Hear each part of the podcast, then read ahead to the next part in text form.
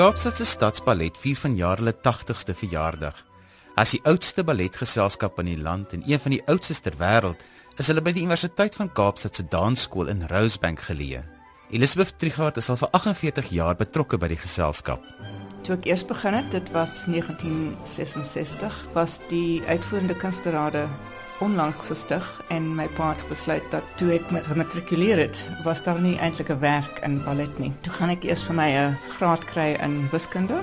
Toe sê hy, "Oké, okay, nou kan jy doen wat jy wil." En ek het by die Kruik Ballet aangesluit 1966 as hoofdanseres en die eerste rol wat ek gedoen het was saam met Edward Greiling as Swanemeer.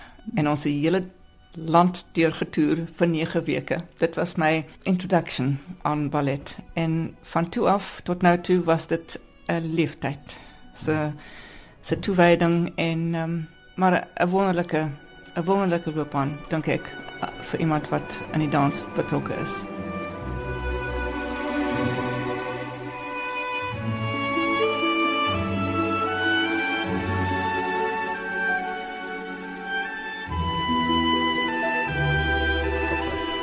Ons uh, natuurlik die tyd toe ek uh, eers by die geselskap aangesluit het is is toe ons baie getoer het deur die land. Ehm um, in hotelle gebly waar die waar die ligte afgaan as gedurende die vertoning van die hele dorp. Ehm um, in, in die ligte van die hotelle uh, die elektrisiteit word al, afgaan want die uh, dansers na die tyd moet hulle ehm um, meisies met hulle hare was en al daai daai ehm um, spray uit die hare kry en dan moet hulle haardroos gebruik en as as die hele dorp se ligte weer af. Ehm um, ek onthou een keer ons uh, in Swanemeer uh gedans en en ek dink Arthur Latrobe dit die eerste bedryf is die Padetra en hy sê terwyl hy sy solo gedoen het die die dorp se ligte afgegaan. Ek dink omdat ons te veel krag gebruik het in die, in die teater. En toe was dit net een spot lig wat aan aangebly het. En natuurlik musiek het afgegaan en toe terwyl hy gedans het, die die dansers almal net saam gesing, die geneurie, die dans, ag, daar was baie goed. Ons het altyd uh, op op vloere gedans wat ehm um, natuurlik net hout was. Nou het jy gelukkig ook die matte. Ehm um, wat ons by 'n plek aangekom het dan dan sê hulle ehm um, hulle spesiale vloer vir ons gepolituur. Ehm um, en dan moet jy natuurlik uh, coke en en en en wim gebruik om die, om die, om die verhoog weer skoon te maak. Ehm um, daai was uh, ek weet 9 weke op op 'n bus, bus wat nie lugreëling het nie, stowwerige paaie na Suidwes, ehm um, destyds Suidwes wat nou Namibië is. Bosmasburg, uh Parys, Sasolburg, al daai plekke wat ons getoer het.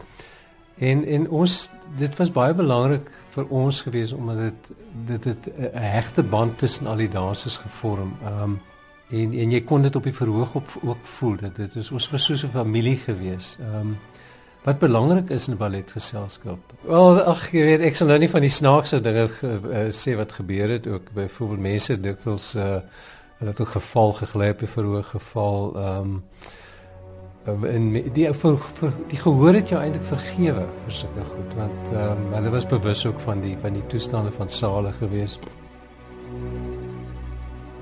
In daardie jare was die geselskap groot. Ons het omtrent 445 dansers gehad. Ons soos ek gesê die hele land getoer.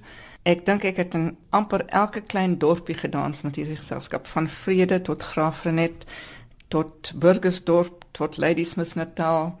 Nesna, Beaufort West, Uppington, Windhoek, noem jy dit, ons was daar en ons het op elke verhoog het ons gedans deur die land en dit was 'n baie gelukkige tyd vir ons.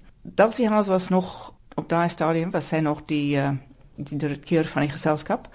Maar in 1970 het David Poole oorgeneem en dis toe al dit nie verander nie, maar dit het so foreign uh invloed gehad. Ehm um, 'n buitelandse invloed het toe skielik begin gekom en ons het ons het uh, Atelier Labis gekry om Swanemeer te doen vir ons weer 1971 en dis ook die jaar toe ons die ehm um, Nikamolan Opera House oopgemaak het met Sylvia.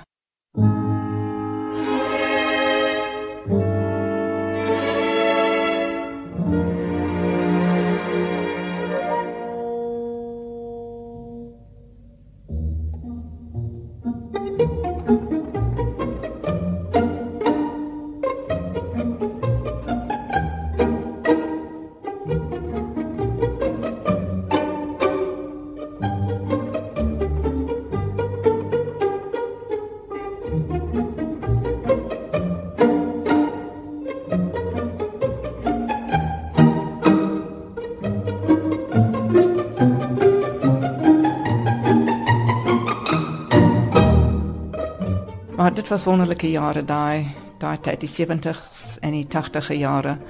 Want ons het vir niks gekort nie. Daar was geld vir alles. Dit was staatsbefondsing, ja. Maar as jy iets wou koop, koop jy dit maar. As jy iemand wou aanstel, stel jy hom aan. Dit was daar was geen probleme nie.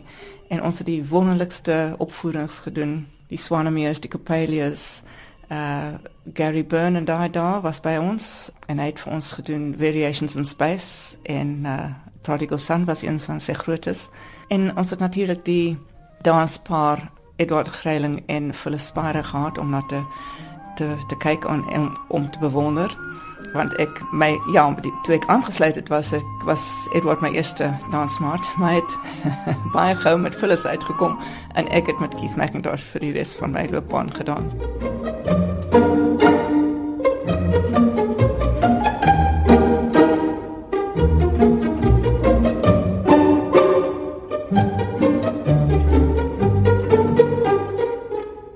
Delfos van Eduard Greiling vir Spira want die twee name kom altyd in een asem op. Ja, Eddie en Philly. Man, dit was 'n kwessie van uh as ons saam gedans het, was dit ons het min of meer dieselfde musikaliteit aangevoel en dit was ek weet nie ek ek kan dit nie beskryf nie, dit was 'n outomatiese uh uh ons het natuurlik baie hard gewerk, maar dit was 'n outomatiese uh uh verwantskap wat ons gehad het. Jy weet, en as op die verhoog byvoorbeeld as daar iets verkeerd gaan, dan weet ons hoe om dit gou reg te stel. As uh, ons ons het eh, soos een mens gedink. Ehm um, en uh, ek weet nie ek ek mens kan nie so iets eintlik verduidelik behalwe dat uh daai dae was in die 60er middel 60 tot middel 80 jaar die goue periode van van ballet wêreldwyd was ook die tyd wanneer wat jy die partnerships gehad het so te sê. Deesdae is jy sien dit nie meer nie. Jy sien nie dat twee mense namaak met mekaar. Dis uh, afsonderlike dansers wat dan met verskillende mense dans. So dit is die hele patroon het heeltemal verander. Maar dit was vir my besonders geweest in daai tyd en en dit was lekker om met een persoon te dans wat jy leer eintlik baie meer dan uh van die kuns. Telfos van die rolle wat jy gedans het en die uitdagings rondom dit. O, oh, Swanemere, Romeo and Juliet, ehm um, daar was so baie gewees, meeste omtrent al die klassieke werke, uh Neetkraker, Sleeping Beauties, uh jy daar daar so baie en die die uitdagings, ek dink dit dit was nie net tegnies nie, dit was emosioneel en ook die kunstigheid van uitvoerings uh, wat 'n mens dikwels wat eintlik vandag nie meer so so ehm um, prominent is nie. Dis asof dit 'n ander rigting ingeslaan het. Die die dansers se lywe is meer perfek en hulle hulle hulle gaan meer op die fisiese. Ek sal nie sê tegniek tegnies nie, want tegniek is 'n kombinasie van die artistiese en die fisieke. Ehm um, hulle doen meer pirouettes. Hulle dit is belangrik om fantastiese pirouettes 20 te doen of te, as jy soveel kan doen. En die meisies altyd byvoorbeeld foto. As jy op Facebook kyk, is dit 'n ding wat die mense die eerste sal plaas.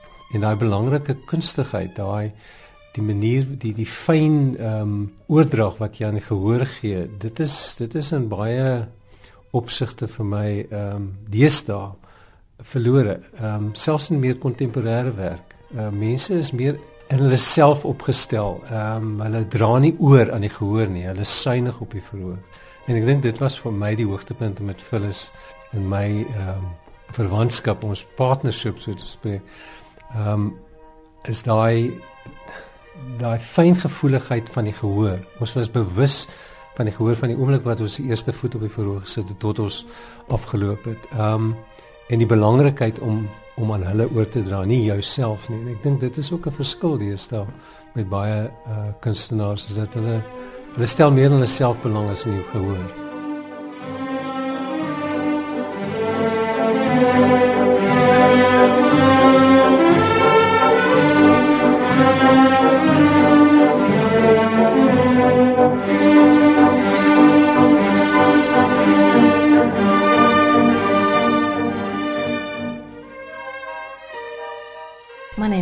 I started dancing when I was 20 with um, Cape Town City Ballet now, but it was Pab in those days. And um, yeah, I was 20 years old when I first joined. I went to the UCT Ballet School first. and did my degree here. And then, with under the tuition of David Poole, auditioned for the company and um, started dancing. And I had a career of 17 years with K-pop. Vertel 'n bietjie vir ons van jou hoogtepunte in jou loopbaan. Um, my debut role was uh, Cinderella, which I was very lucky to get the opportunity to do um, very early on in my career with um, Edward Hrelang as my prince. So for me, it was a very big highlight, as you can imagine. Um, being 20 years old, and my prince was this gorgeous older man who was just um, took me under his arm and just supported me all the way through, which was the start of my career. Um, and then I had lots of opportunities to do lots of leading roles, and my favorites, I think, were all the emotional roles, like the um, Sleeping Beauties and Cinderellas and uh, Romeo and Juliet, and Carmen particularly was very exciting for me because Veronica Paper actually choreographed Carmen for me at one stage, and then um, also Camille's, the very emotional roles where you could really sort of sink your heart and soul into, you know, the whole character. Iets wat my altyd opval as ek op ballet kyk is die juist die emosies wat jy in bewegings uitbring. Vertel 'n bietjie vir ons van daai proses want ons sê dit is maklik in ons stemme, maar wanneer mense dit in jou lyf moet sit, is dit nogal 'n uitdaging. I think emotionally um something like Carmen was was just an amazing experience for me. I, I really felt like I lived the part that I got so involved in her whole career. There was a there was a part of me that was very much um, you could bring out sides of your personality that you didn't think you actually had. Um, there was the anger, there was the passion. You know, it, it was just. Um, I think those roles are really what what what gives you the part of the creative. Um, experience of dancing, and um, I think being one in tune with the music and the and the whole atmosphere of everything, you feel like you've lived a whole lifetime in one performance because it's the it's from start to finish. You are that character, and I think that's the, for me was where all my, my growth and my spiritual growth and everything that I achieved was through that. Um, and I look back and it's like life is very different. Your feet are on the ground when you leave the dance world, and it's part of a beautiful fantasy that you just never forget. I mean, those were some of the best years of my life. Vertel 'n bietjie vir ons van die transformasie wat in 'n mens gebeur as jy 'n tutu aantrek. I think it's for me, going to the theatre, I used to always arrive very early um, for a performance because I felt like I needed to entrench myself in the role. I needed to get onto the stage and put my shoes on and dance before the audience even arrived. So I think um, putting that tutu on and coming down the stairs and feeling like, I mean, particularly for me, I remember very, very clearly my first time in Cinderella wearing that tutu and coming down the stairs from this top of the auditorium all the way down, and you look down and there's the whole stage full of dancers looking back at you in pure admiration, and you you know, it, it's just the most magical thing. And I think for me now, like teaching little little people to dance, it's so inspiring because I just, you know, I want to I want to give them that sense of love for dance, which I had. And I think those those romantic ballets and the and, and just being part of something that's so magical, you know, the lighting, the, the the the sets. I mean, we were very very privileged in those days to have the most incredible um, sets and costumes, which are just absolutely amazing.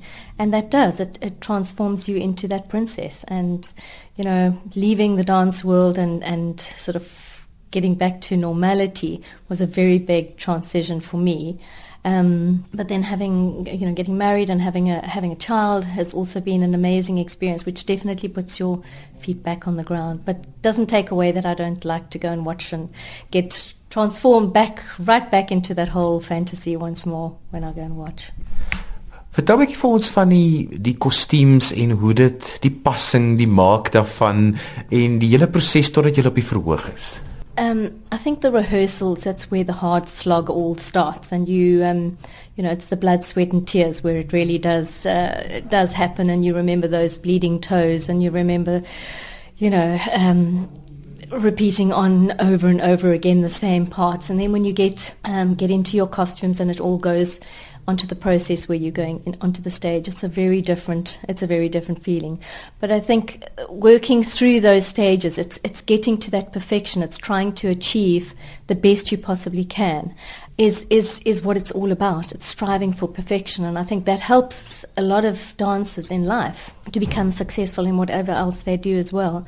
It's those hours and hours of rehearsal. I remember David Poole sitting with us and spending hours just taking, and for instance, in um, in in some of the Romeo and Juliets, we're spending hours just how would you look at your prince, how, you know, things like that, which you know, takes, you think it takes a minute, but it actually takes a long time. And, and, and in Giselle, taking hours to just pick the rose and how you, I mean, I pick the petals of the daisy, how you would pick each petal and look at your prints in between. And those are memories I think I'll never forget. Those rehearsal stages and working with Veronica Paper where she was, you know, you were part of the, the natural um, creative process where you were actually she would say, well, what, what, how would you f- come out of that movement? And she'd say, I'd like this, this, this, and this.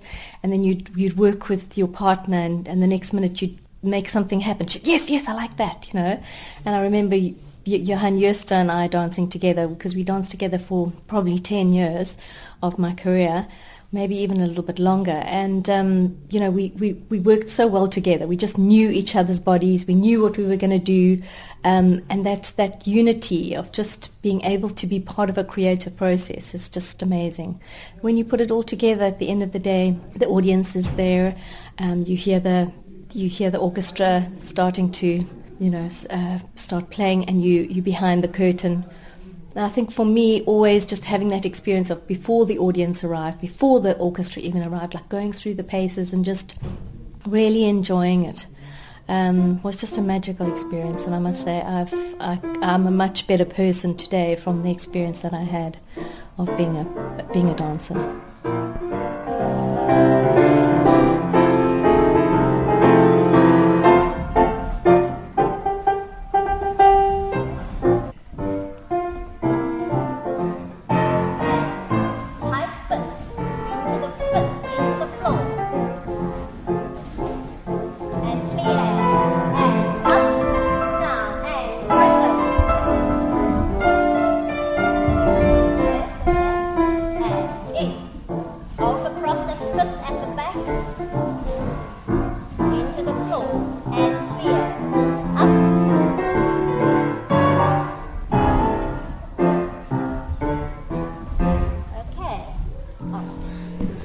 Ellie van Oort begelei al vir baie jare die dansers op die klavier.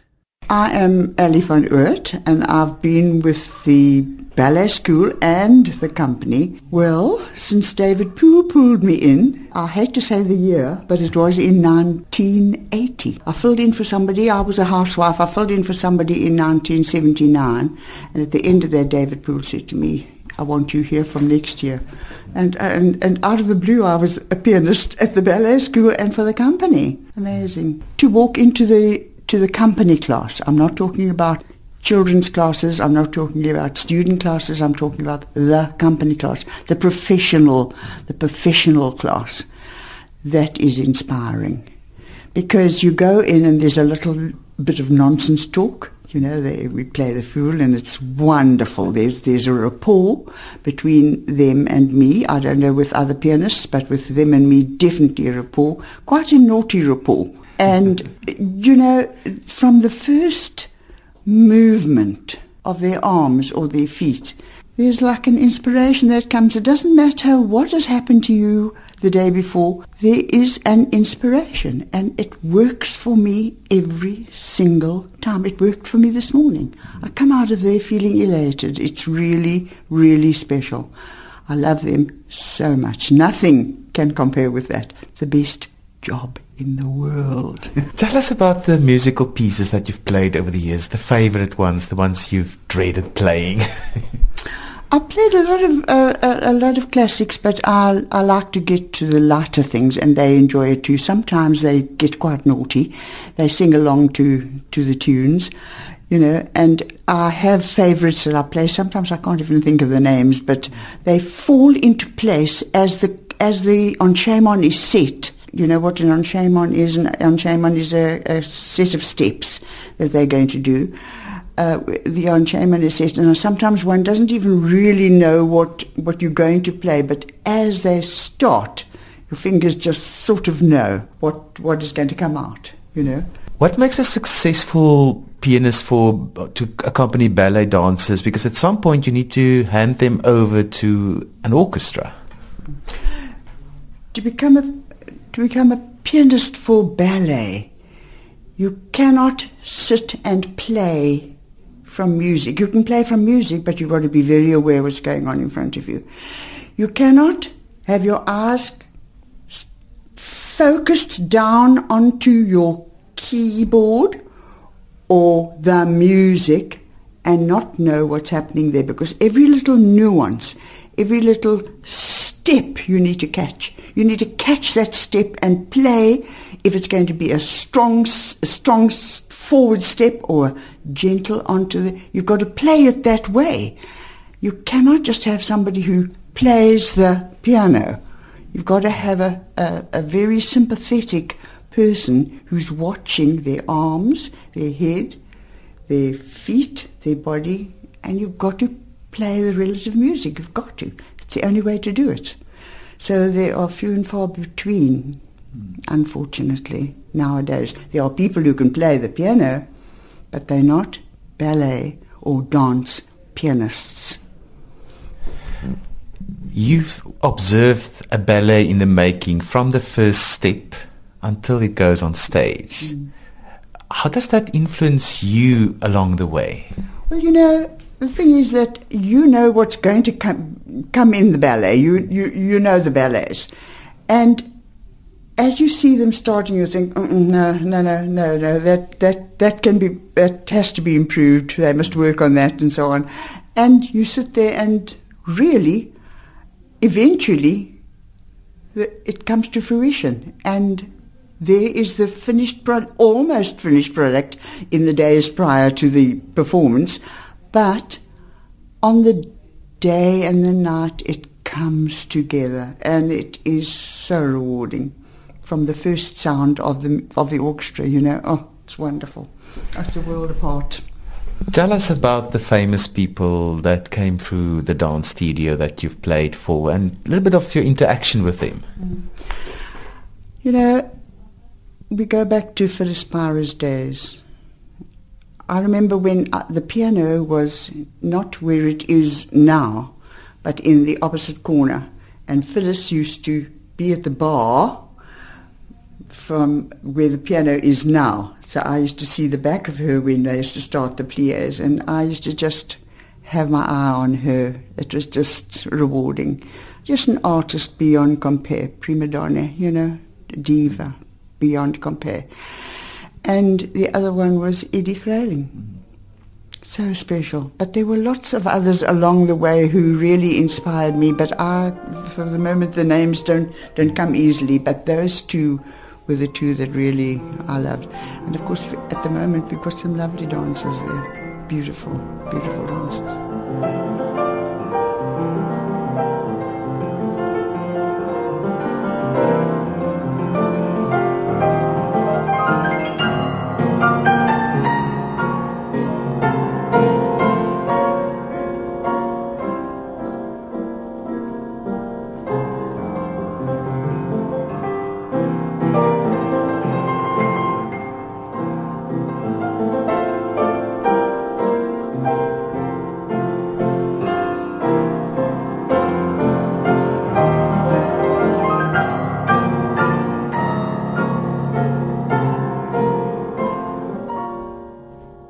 Anet Frans is een van die min mense in Suid-Afrika wat die dansers se tutus kan maak. Ag, ek het begin 1972. Ehm um, dit was ook iets nuuts vir my.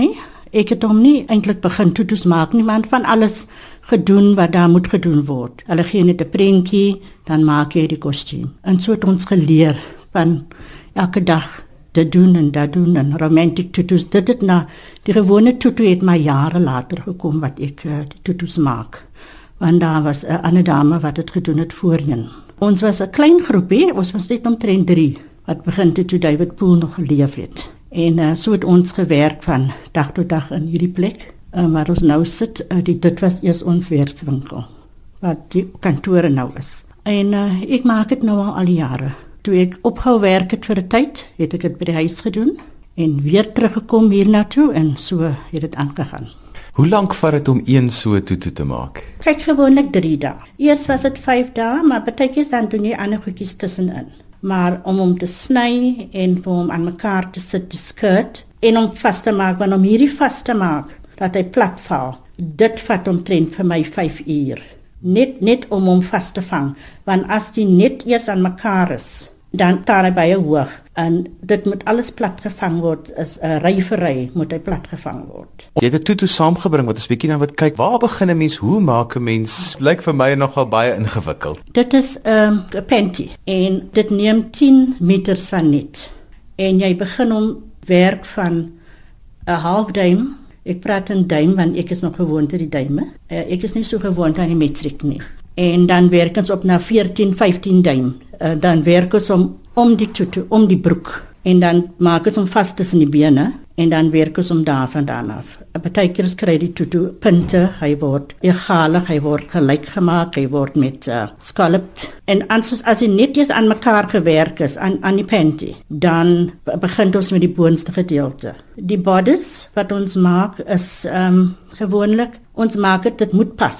Want as dit nie pas nie dan is die dansers ongelukkig. En ehm um, maak maak die bodies en hulle gee gewoonlik 'n skets. Hulle wil hom so hê en wat 'n kleur. Maar meeste van die tyd gebruik ek maar my eie intuïsie. Meeste van die tyd. Sê hulle sê net my maak 'n wit tutu dan maak ek 'n wit tutu. Gebruik ek gebruik enige bruid whatever daar moet opkom. Uh, gebruik ek. En so maak ek hom klaar. Maar ek maak gewoonlik die tutu basies 3 kwart klaar as by die tyd as hulle kom pas, dan het ek die skirt aan mekaar en dan pas ek die bodies.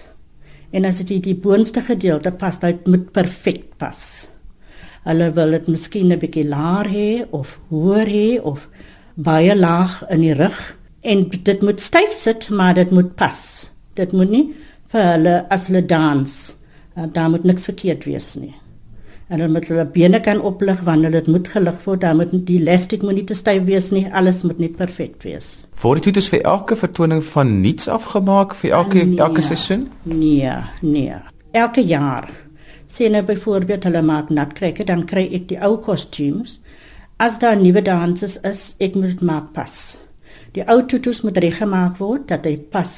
Die net word pap na tyd met elke bedryf as hulle nou byvoorbeeld natkrekke nou weer doen dan kry ek al die tutus sit nuwe net in ek maak die ou tutus los dan maak ek dit pas vir die nuwe danses want die dansens kom en gaan.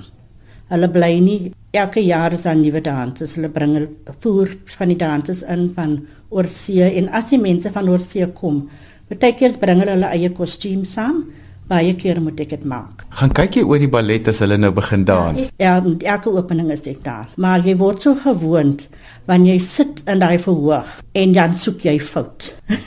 jy soek fout want um, al die costumes As kyk op die oomblik as ek alleen wat al die kostuums maak en dan sit jy daar en jy kyk is daai gelyk hang iets uit alles moet gelyk wees op die verhoog. Dan dit beteken as jy daar sit as jy so moeg dan wil jy dan gaan ek miskien die tweede keer of so, dan weet jy alles is perfek want jy word so gewoond. Um, ek het eers gegaan as hulle die eerste rehearsals het, maar ek gaan nie meer nie want jy sien te veel dinge raak. Ek hou daarvan om te gaan. En van al die ballette wat jy nou al toets voorgemaak het, wat was jou gunsteling onder almal? Sleeping Beauty. Nee, dit is net omdat dit vir my die mooiste is. Sleeping Beauty, die costumes alles is is mooi. Romeo en Juliet is daar nie eintlik baie tutus in nie maar Sleeping Beauty is vir my die mooiste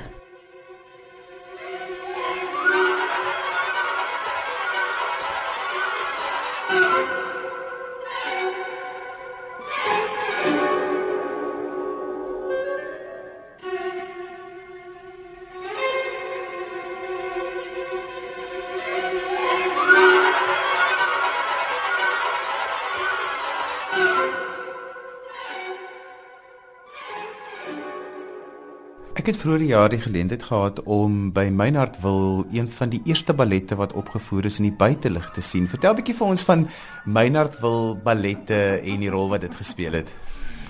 Meinhard wil was eintlik die eerste plek waar ek gedans het. Ek was in 'n in 'n program van Spaanse dans met Marina Kiert en Gary Burns se Gala Occasion. Dit was in 1966. En die omstandighede by my wil dit nie verander nie. Dis nog net dieselfde. Daar's baie min veranderings aangerig.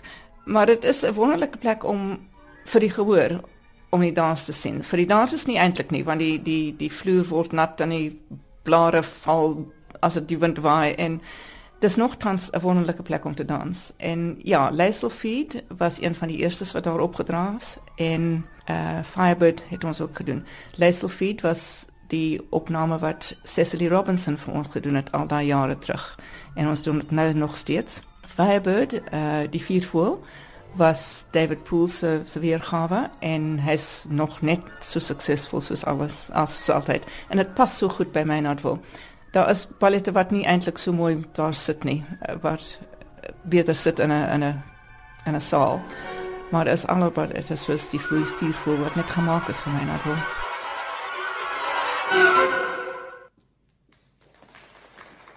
Hier het ons het ook 'n paar prominente breindansers gehad in die Kaap. Kan jy 'n bietjie vir ons van hulle vertel?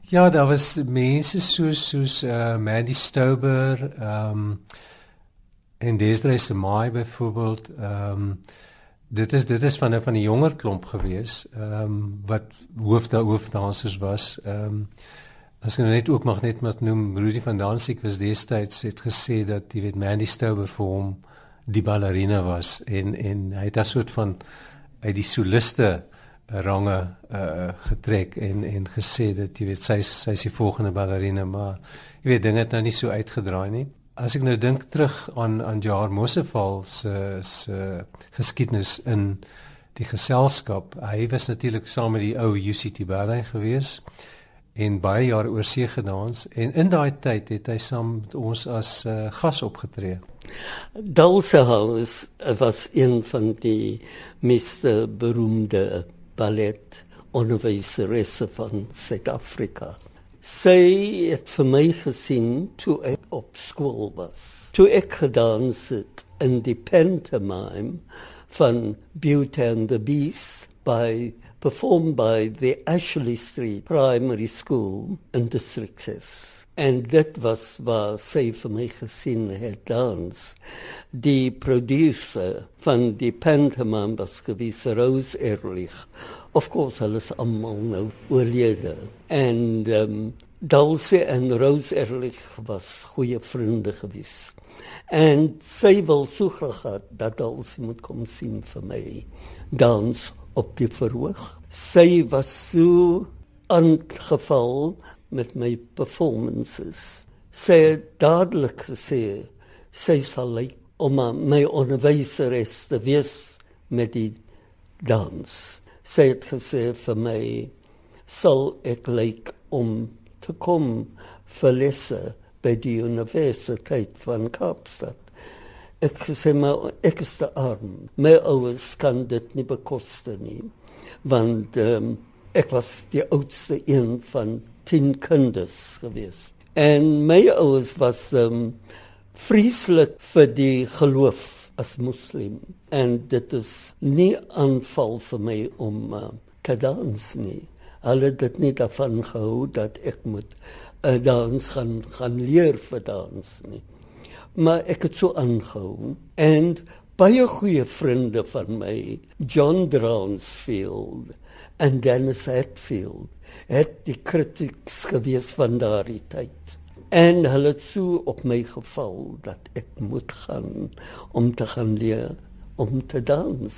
En toe kry hulle vir my 'n versameling van geld om te gaan leer dans vir 3 jaar by die Universiteit van Kaapstad. En daar het ek geleer vir die 3 jaar tot dit mondelik was dat ek reg was om te kom na Engeland.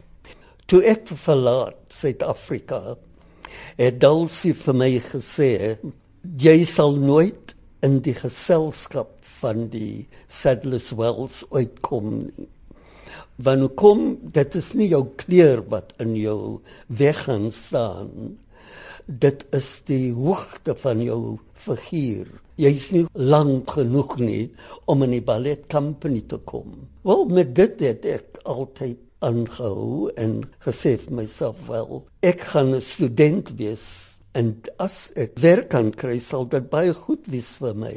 En nooit het ek weer daaroor gedink nie. Ek het nou die Sadlerswell skool gegaan toe die volgende week. En daar was ek aangenooi en daar het ek in 6 maande tyd my eerste eksamen ooit gedoen. En met die eerste eksamen het ek honors gekry. In die tweede ses maande het ek my intermediate gedoen. En ek het highly commended gekry daarvoor. Die derde in ses maande, is nou 18 maande wat ek nou in die Sadlerswells skool was het ek my derde advance eksamen ge met met honors. So was dit my laaste paar maande wat ek nou by die skool was en ek dink ek moet nou terug huis toe gaan want dit was nou net genoeg geld daar vir my by die Sadlerswell skool vir 'n jaar en 18 maande. Dan sal ek terug moet kom en kom onderwys want ek sal altyd nou dals het gesê ek sal nooit in die geselskap 'n 'n plek kry nie en daar is dit dat ek die gelukkige persoon was om te join die Saddleswells Theatre Ballet te same met ander dancers soos Patricia Miller, Marion Lane, Nadia Narina and uh, David Poole en die ander beroemde dans. Een van die hoogtepunte van jou loopbaan was dat jy vir die kroningsgeleentheid van die koningin gedans het. Dit was 'n paar maande gelede wat ek uh, in die company was en toe is dit dat um, die koning afgesterf het. En toe was dit die dogter Queen Elizabeth wat toe koningin uh, was toe is dit dat uh, 'n um, 'n ballet gewees het deur John Cranko, ook die veelberoemde koreografer van Suid-Afrika, het vir my gekies om een van die hoofdansers te word in daardie ballet. Dit was genoem Gloriana en dit die, die musiek was gedoen gewees by um, Benjamin Britten en um, dit was een van die danse wat ek as my eerste solo ooit in my lewe gedoen het en ek was gekies om te kom dans. Nie by die Sadler's Well Theatre Ballet nie. Ek was gekies om te kom dans. My eerste solo vir die Queen op haar koronasie at the Royal Opera House Covent Garden. En dit was nie net vir haar nie maar vir elke koning en koningin van die wêreld, elke president van die wêreld, elke prime minister van die wêreld was in die audience gewees. So ek sal sê dit was een van die most important ane van my lewe wat ek voorgedans het. Agter 23 jaar toe sê ek vir die direkteur by Covent Gardens. Ek het nou genoeg gehad van die ballet en ek dink tyd dat ek nou terug moet kom na Suid-Afrika. Das baie 'n uh, ding wat ek moet doen in my lewe want ek is nog jonk om te gaan onderwys te sê hulle nie glad nie. Jy kan nie gaan nie. En ek sê waarom kan ek nie na Suid-Afrika terug uh, huis toe gaan? En hulle sê nee en hulle gaan na die um, cabinet en kry 'n brief uit. En hulle sê vir my lees. En dit was van die queen moeder waar ek my nou daar's 'n uh, ook 'n portret het met haar. Ek het baie met haar teer gaan het by Clarence House. En ek was um, altyd genooi na partye of dinners en whatever man ek het um, veel gedans vir op um, Royal Gala performances. En toe sê dit vir die uh, regisseur van die Covent Garden Opera House jy moet weer 'n nog 'n kontrak sign al is dit vir 2 jaar. En ek sê hoekom? En hulle sê nee hier is 'n brief van die Queen Mother wat gesê het Sy sal lyk om te kom na die Royal Gala performance. Massin la Johan Mosville was dancing. En dit was die rede wat ek langer moet gebly het. Because dit was gesê vir my. Now that is a command. And I never knew and I never realized that that it's a command from Her Majesty the Queen Mother. Die my laaste jaar het ek gekry uh die honor van die Winston Churchill Golden Award. En dit het vir my laat gaan om te gaan studeer vir 4 maande either at the Bolshoi Ballet of ek kan gaan leer by die Royal Danish Ballet of ek kan gaan Amerika toe. En ek het so verlang om te gaan leer modern dance want ek het die Royal Ballet nooit modern dance sien geonderwys nie.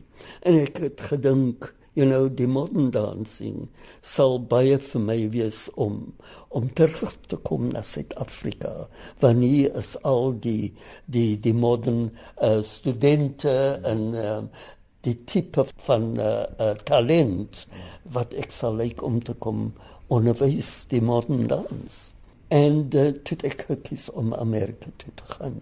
En ek het nie lank daar gebly nie. Toe was ek genooi gewees om te kom dans Petrushka. Petrushka om te kom dans en breek die um, die kleurling sake hier in Suid-Afrika. En ek was die eerste een wat genooi was om te kom dans by die Opera House Nikomalan was ek die eerste een om te kom breek die reisbarriere en dit was ook eers die eerste selfde jaar toe ek gedans met Phyllis Spire en dit was 'n groot sukses geweest.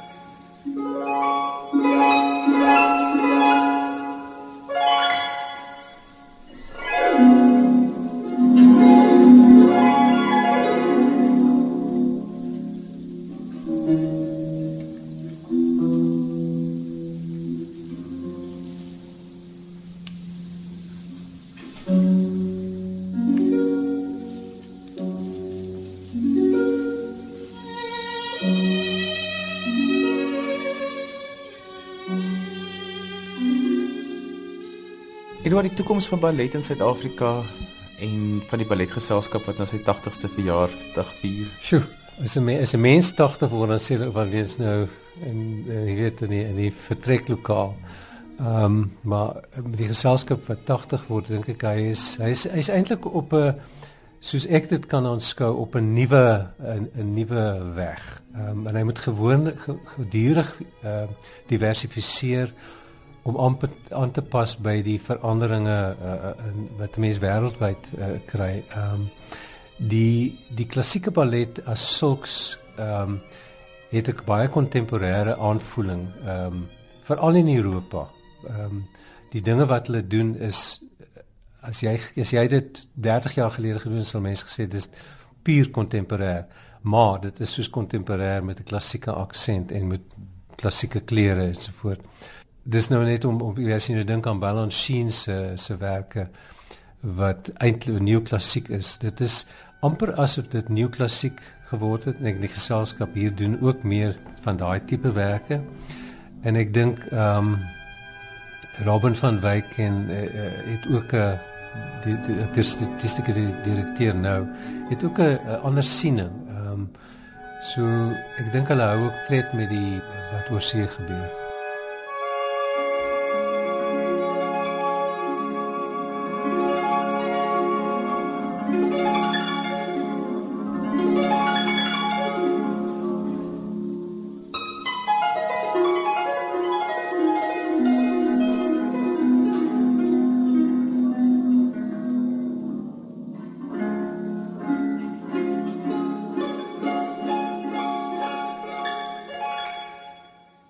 Elisabeth, jy is soveel jare betrokke by ballet. Hoe het dit verander oor die jare en hoe lyk die toekoms van ballet in Suid-Afrika? Ballet mens insiens het niks verander nie. Dit is nog net so uitdagend soos dit wat dit was in die vroeë jare. 'n Bietjie nog meer so want nou is daar ander dansstyle wat ehm um, wat 'n mens laat wonder of jy nie in daai rigting moet gaan nie. Maar suiwer ballet kan net nie beter word nie. Dit is die wonderlikste opleiding vir 'n danser wat mens kan aandink. Dit leer jou koördinasie, musikaliteit, hoe om jou voor te dra by 'n gehoor, hoe om die reaksie van die gehoor te gebruik om jou eie vertoning beter te maak. En ehm um, daar's daar's niks soos ballet nie. Absoluut niks nie.